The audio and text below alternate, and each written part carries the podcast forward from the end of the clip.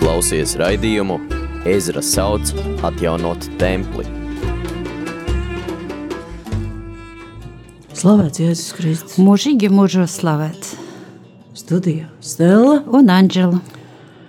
Kā pēc neliela laika pārtraukuma atkal turpinām ceļot vecajā derībā. Jo tā dažreiz ir tā nepamatoti uzskatīta par it kā mazāk svarīgu vai ļoti grūti saprotamu, bet bez vecās derības mēs nevaram saprast jauno derību. Un vismaz man ir tā, ka es jauno derību daudz labāk saprotu tieši ejot caur vecās derības ceļiem, kur ir redzami šie pirmtēli, kuru piepildījumu mēs redzam jau jaunajā derībā. Un iepriekš pētījām Tobita grāmatu, kas ir par ģimeni un dieva nodomu ar laulību un ģimeni, un redzējām, ka dievs pat no ļoti liela ļaunuma un nelaimes izdabū lielu labumu, kas mums deva mācību, ka vienmēr mēs nevaram teikt, tagad viss ir slikti, es esmu iekūlies nelaimē un neredzu izēju. Dievs jau to izēju redz, un dažkārt tā izēja ir daudz labāka pat nekā mēs varam iedomāties, un caur kādu nelaimi dažkārt pat Dievs piepilda tos mūsu sirds dziļākās ilgas un uh, vēlēšanos, kas arī varēja tā būt, ar Tobitu, ka viņš piedzīvoja, ka dēls ir laimīgs laulībā un viņa dzimta turpinās, pievērsām uzmanību arī, kā to varam saprast jauno, jaunās derības puses un garīgās dzīves puses, bet šodien pievērsīsimies kādai citai grāmatai un sāksim lasīt, lēnām iesim tajā pasaulē Ezras grāmatu. Var to pieskaitīt pie vēsturiskajām grāmatām. Un savā ziņā mums tā būs tāda kā atgriešanās atkal Persijas ķēniņu galmā, kur iepriekš jau bijām lasot Esteras grāmatu. Tikai šoreiz tas būs varbūt no citas puses un mazliet cits laiks, bet arī šajā grāmatā būs redzams tas, ka Dievam ir iespējas daudz lielākas nekā mēs iedomājamies. Un šīs grāmatas vēstījums ir pat ļoti mūsdienīgs. Ezras grāmatā lasīsim par to, kā Dievs palīdz trimdā izdzītajai, izredzētajai tautai, lietojot, ja tā to vārdu vispār varētu teikt, pagānu ķēniņu, uzrunājot pagānu valdnieku garu, un viņi sajūt šo paskubinājumu un rīkojas, kā mēs atkal satiksim Artaksarksu, ar kuru nedaudz jau iepriekš bija darīšana, satiksim arī ķēniņu Kīru, kā arī ķēniņu Dāriju.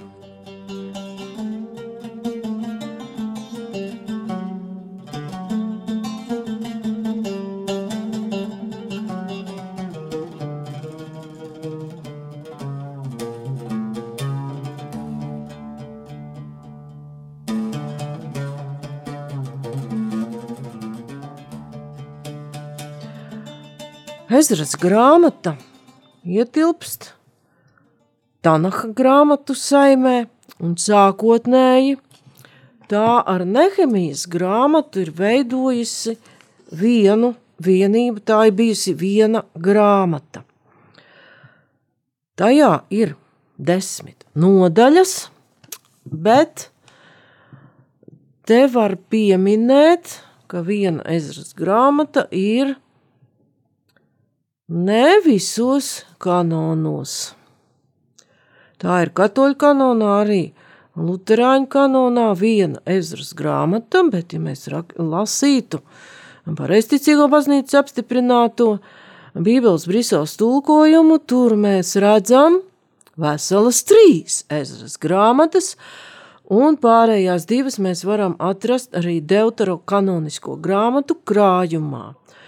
Un man ir doma, ka tomēr izlasījuši šo Ezras grāmatu, kas pēc, ja liktu numerācija būtu pirmā Ezras grāmatu, mēs tomēr ielūkosimies vēlāk arī otrajā un trešajā Ezras grāmatā, kaut vai lai saprastu, ka arī tās ir lasāmas un var būt par garīgo barību, kaut gan atbilstoši katoļu kanonam nav tādā pakāpē, kā tā Ezras grāmata, ko mēs tagad lasīsim. Kas to sarakstīs, nav īsti skaidrs. Pieņemts domāt, ka pravietis Ezra ir doma, ka šis apkopojumu, šis apkopojums ir tapis tā paša autora līdzdalību, kurš ir apkopojis pirmo un otro laika grāmatu un Nehemijas grāmatu. Interesanti ir arī tas, ka 7. un 9. nodaļa ir rakstīta pirmā personā, kad pravietis kā runā par sevi, bet citur var saprast, ir kāds cits rakstītājs. Sarakstīta varētu būt ap 440. līdz 300. gadu pirms Kristus. Galvenokārt senebreju valodā, bet ir fragmenti āramiešu valodā, kuru runāja Persijas impērijā. Un nosacīti varam skatīt šo uzbūvi tā. No 1 līdz 6 nodaļai aprakstīta pirmās ebreju grupas atgriešanās Jeruzalemē ap 537. gadu pirms Kristus. 7. desmitā nodaļā jau ir paša Ezras atgriešanās Jeruzalemē ap 458. gadu pirms Kristus. Un, kas stāsts sākas ar Kīra atļauju atgriezties Jeruzalemē un atjaunot templi. Kopumā, kā jau minēju, grāmatā satiksim trīs persijas ķēniņus, ir minēti Kīrs, Dārijas un Artaksarks. Kīrs atļauj, ebreji atgriežas, Šešbacara vadībā, ja citā vārdā viņš saukts par Zeru Bābelu. Turā ceturtā nodaļa ir pārnākušo uzskaite, un redzam arī mūsdienās tādu raksturīgu parādību. Tempļa atjaunošanai ir pretestība, un pētot jau tekstu, mēs jau to sapratīsim dziļāk un plašāk arī, kas ir templis un kas ir pretestība tā atjaunošanai. 5. sastā nodaļa. Celtniecība apstājusies. Zebra Babels, praviešu Hagais un Zaharija cenšas to atsākt. Arī tāda ļoti pazīstama situācija. Šobrīd liekas, ka baznīcas dzīve ir atstājusies, ka kaut kas briesmīgs noticis, kāda šķelšanās, karošana vienam ar otru, bet kā redzam arī vēsturē, tas jau ir bijis, un Dievs ir izrādījies stiprāks par šīm situācijām.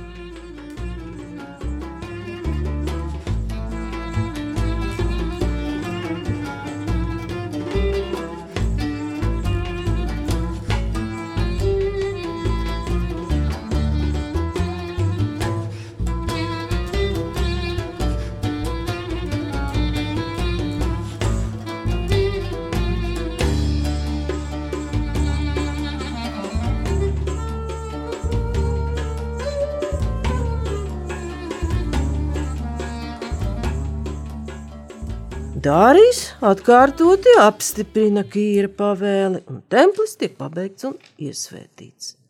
Grāmatas beigās Artakserks pilnvaro Ezru vadīt vēl vienas ebreju grupas atgriešanos.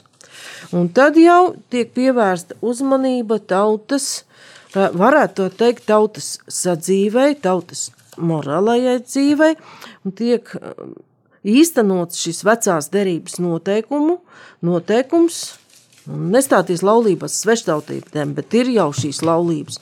Tās tiek šķirtas, un arī šim jautājumam, kad pētīsim tekstu, jau pieskarsimies tuvāk, jo jaunajā derībā jau laulības šķiršana nav atzīta par labu esam, un ko saprast ar šo sveštautieti.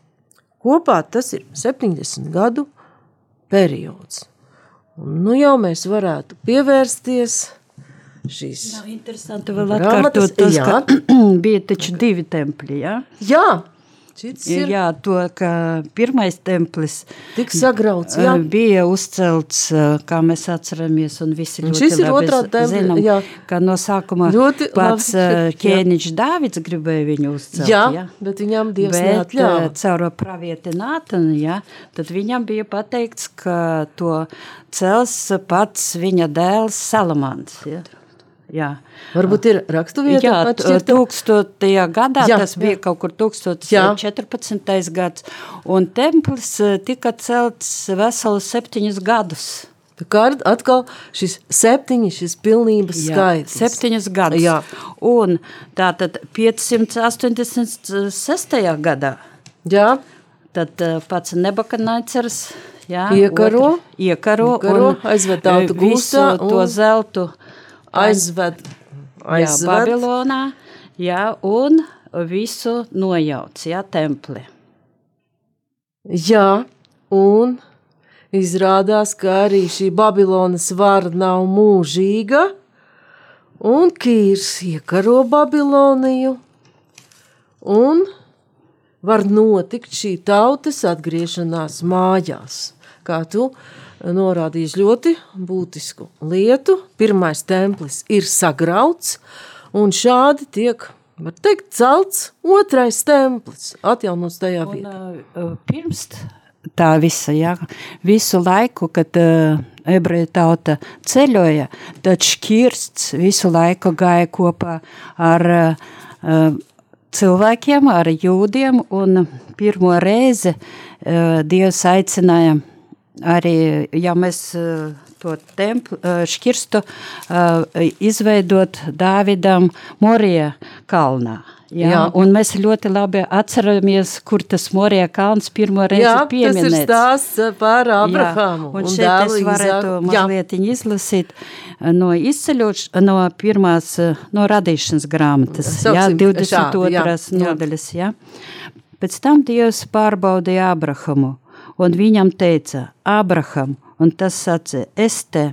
Un viņš teica, ņem no savu dēlu, savu vienīgo, kuru tu mīli, Īzaku, ej uz Morijas zemi un upurēt viņu tur kā sadedzināmo upuri uz kalna, kur es tev teikšu. Mēs šeit redzam, ja, ka šeit jau pieminēts būs Morija kalns. Pēc tam arī mm, Dāvids izvieto Dieva šķirstu Morija kalnā. Un arī turpinājums pirmam um, templim, jā, kurš, kurš bija uzcelts, sa, kuru uzcēla Salamans, arī tika uzcelts Morija kalnā. Tas ir tāda vēsture. Un šeit mēs redzam šo vēstures pat attīstību, ka Dievs ir cilvēku vidū. Viņš mājo šajā templī, teltī un atrodas cilvēku vidū. Un vairāk no šīs vēstures pat varam saprast, ka drīzāk tā ir cilvēku iniciatīva uzcelt šim uh, derības šķirstam ļoti cienīgu vietu. Ko arī vēlējās arī Dāvids darīt. Jā, kad kā es pats dzīvoju, vēl pat nesen Jā, Jā, bija lasījums. lasījums. lasījums šāds, ka es pats dzīvoju lepni, skaisti ciedru koku namā, un dieva šķirsts ir, nu, un tādā veidā šis dieva šķirsts tika ievietots ar cilvēku rokām celtā templī.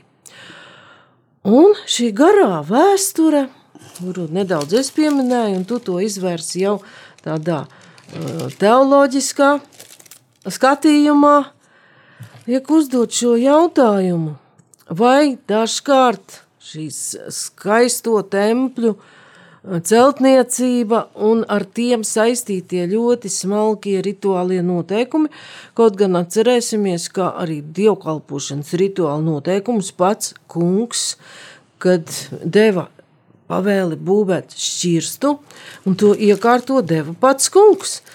Vai kādreiz šī tempļu greznums un krāšņums un ceremoniāla krāšņums neaizēno paša dieva klātbūtni, un pat cilvēkiem, kas vēlas viņu satikt, var to apgrūtināt. Tas jautājums paliek kā atklāts, un kāpēc dažkārt Dievs pieļauj, ka šie krāšņie greznie cilvēku rokām celtie tempļi tiek nolīdzināti ar zemi.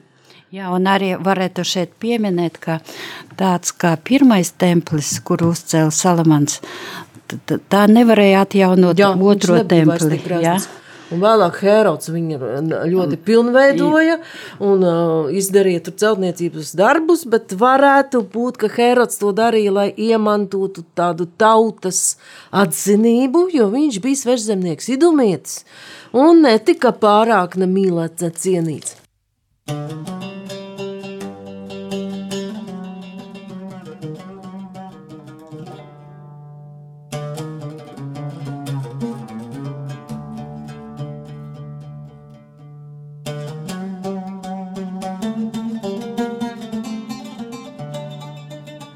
Bet kas notiek arī ar šo otro templi, par kura atjaunošanu mēs tagad lasīsim? To noposta romieši. Tieši 70. Tā. gadā imperators Tits to visu nolīdzina ar zemi. Bet vai viņš nolīdzina ar zemi dievu? Nekā nebija. Jo 70. gads tad jau ir Kristus nācis pasaulē iemiesotais vārds, miris un augšām cēlies, un savu ceļu pasaulē ir sākusi baznīca. Arī dieva templis. No vienas puses ir cilvēku rokām celtie krāšņie, skaistie tempļi, arī pati baznīca, un arī katrs pats cilvēks ir dieva templis. Kā raksta apustulis Pāvils, bet līdz tādai dziļākai apcerē par to jau mēs nonāksim vēlāk. Nu, šeit vēl, mazliet vēlējies, varu izlasīt, jā, tieši no otrā Samuela grāmata, jā, jā. jā, pa to, ko mēs runājām jau pa pirmo templi, jā, kad Dievs, Dieva apsolījums Davidam. Kad nu ķēniņš mita savā namā un kungs viņam bija devis atelpu no visiem ienaidniekiem, ķēniņš teica pravietim Nātanam – redzi, nu, es mītu ciedru koka namā, bet dieva šķirsts starp aizkariem. aizkariem. Nātans teica ķēniņam, dari visu, kas tev padomā, jo kungs ir ar tevi. Tajā pašā naktī kung vārds nāca par Nātanu. Ej un saki manam kalpam Dāvidam. Tā saka kungs, vai tu man celsi namu, kur dzīvot? Es neesmu dzīvojis namā kopš izvedu Izraēlu no Eģiptes līdz pat šai dienai. Klējojums mūs es alaš esmu mitinājies teltī. Visos klējumos iedams līdzi Izraēlam, vai es bildu kaut kādu vārdu kādai no tām Izraēla ciltīm, kad liku ganīt savu tautu Izraēlu, vai es teicu, kāpēc jūs neceļat man ciedru koka namu? Tad nu saki manam kalpam Dāvidam, tā saka pulku kungs, es ņēmu tevi no ganībām, kur tu ganīji avis, lai tu būtu valdnieks manai tautai Izrēlam. Es biju ar tevi, lai kurp tu gāji, visus tavus ienaidniekus es iznīdēju tavā priekšā, tavu vārdu es darīju diženu kā zemes varenajiem. Un tā šeit saka tālāk, ka na, namu tel, te, templi uzcels dēls Salamans. Un no šī teksta arī varam saprast, ka Dievs neliek celt to templi, ka viņš vēlreiz atgādina Dāvidam, ka viņš visur ir bijis klātesošs, visos šajos notikumos. Dievs pat zināmā mērā varētu teikt, piekāpjas šim cilvēka priekšstatām, ka derības šķirstam ir jāatrodas krāšņā templī.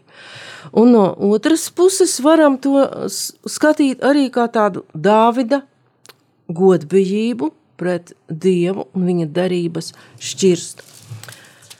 Bet tagad mēs varam lēnām jau sākt lasīt Ezes grāmatas pirmo nodaļu, jo par šo vēsturi, par kuru varētu arī runāt ļoti daudz, ar šo vēsturi nedaudz esam iepazinušies, un skatīsimies, kas tad notiek.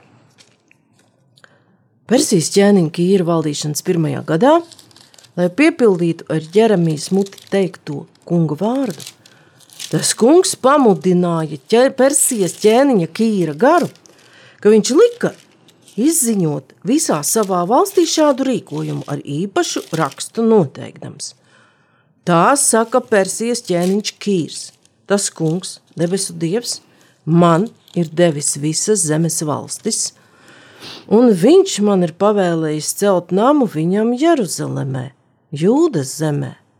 Ikvienam, kas starp jums ir no viņa tautas, lai viņa dievs ir ar viņu, un lai viņš atgriežas uz Jeruzalem Jūdas zemē un ceļ tā kunga, Izrēla dieva namu, viņš ir tas dievs, kas mīt Jeruzalemē. Un ikvienu, kas palicis dzīves, lai viņa dzīves vietā turienes ļaudis pabalst ar sudrabu un zeltu, ar mantām un lopiem, līdz ar labprātīgām dāvanām Dieva namam Jeruzalemē. Kā šeit ir šī kīra pavēle, un tekstā redzam atsauci arī uz Jeremiju, ka pravietis Jeremija jau to ir iepriekš sludinājis, un viņš ir 25. nodaļā, 11. pantā sacīs, šādus vārdus. Visai šai zemē jāpaliek par izkaltušu kailatni un tuksnesi, un visas šīs tautas kalpos Bābeles ķēniņam 70 gadus. Bet, kad šie 70 gadi būs pagājuši, es sodīšu Bābeles ķēniņu un viņa tautu. Tas saka tas kungs. Viņa pārkāpumu dēļ arī kaldeju zemi un visu apvidu darīšu par mūžīgu tuksnesi. Tad šeit ir norādījums uz šo notikumu pēc 70 gadiem, kurš nu ir pienācis. Nu šeit arī es gribētu uzreiz arī izlasīt no e, Pāvila vēstules efeziešiem, lai mēs arī padomātu no cita skatījuma vēl pa Ezras grāmatu, un vārds, Dieva vārds ir tāds – Tagad jūs vairs neesat svešinieki un piemājotāji, bet esat līdzpilsoņi svētajam un dieva saimē, un kas uzcelta uz apstuļu un praviešu pamata. Tās stūrakmens ir Jēzus Kristus. Viņā visa celtne kopā salaista aug par svētu templi kungam Viņā arī jūs tiekat uzcelti par dieva mājokli garā. Paldies!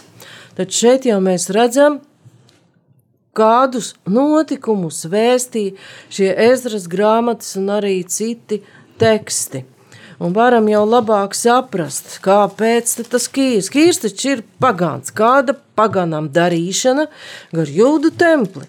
Taču šajā jaunās derības templī, kur šis eh, stūrakmens ir Kristus, nav ne pagāna, ne verga, ne grieķa, ne brīva.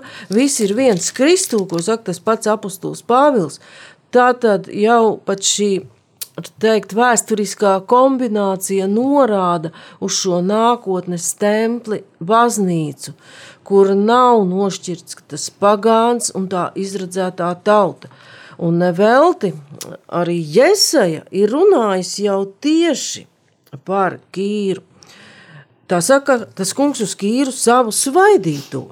Kīru es satvēru pie viņa labās rokas, lai pakļautu tautas viņa priekšā, lai noraisītu ķēniņiem no viņa gurniem zobenu saites, lai atvērtu durvis viņa priekšā un lai vārti viņa priekšā nepaliktu aizslēgti. Es iešu tavā priekšā un līdzināšu nelīdzenās tekas. Es satriekšu vara durvis un salauzīšu dzels aizšaujamos Es nodūšu tev tumsā paglabātās mantas un paslēptos dārgumus, lai tu atzīsti, ka es esmu kungs, Izraēla dievs, kas tevi saucis tavā vārdā. Un arī Sēž šeit runā par to pašu Kīru, bet Ezra jau pasaka tā ļoti skaidri, ka Dievs ir tas, kas mudina Kīra garu ļaut atgriezties izredzētajai tautai mājās.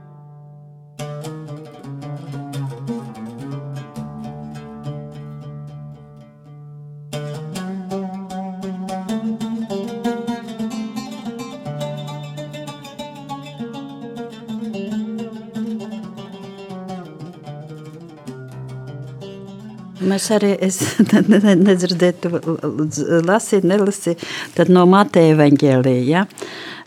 no trešās nodaļas. Tajās dienās Jānis Kristītājs sludināja jūdējas tuksnesī. Atgriezieties no grēkiem, jo debesu valstība ir klāt. Par viņu kungs caur praviešu iesaja ir sacīja Sauciet balss tuksnesī, sagatavojiet kungam ceļu, dariet līdzenus viņa takas. Paldies! Savā veidā Kīrs šeit ir redzams drīz kā tāds pestītāja priekštecis, jo arī viņš ir dieva skubināts un viņa priekšā tiek nolīdzināti šie ceļi. Un viņš Atgrī... at, aicina atgriezties. Un viņš aicina šos cilvēkus atgriezties mājās dzimtajās vietās. Un bez tam viņš aicina ar savus pavalsniekus dažādā veidā palīdzēt izredzētajai tautai atgriezties mājās. Un celt svētnīcu. Jā. Ja? Un celt un uh, svētnīcu, kā mēs jau lasījām, nu, arī mūsu iekšējo svētnīcu mēs varam redzēt to vai izprast arī. Un no teksta, no Kīra pavēles varam saprast, ka šis vienīgais dievs, radītājs, jau bija ieņēmis nozīmīgu vietu Kīra dvēseles svētnīcā, par ko liecina jau šī pavēle.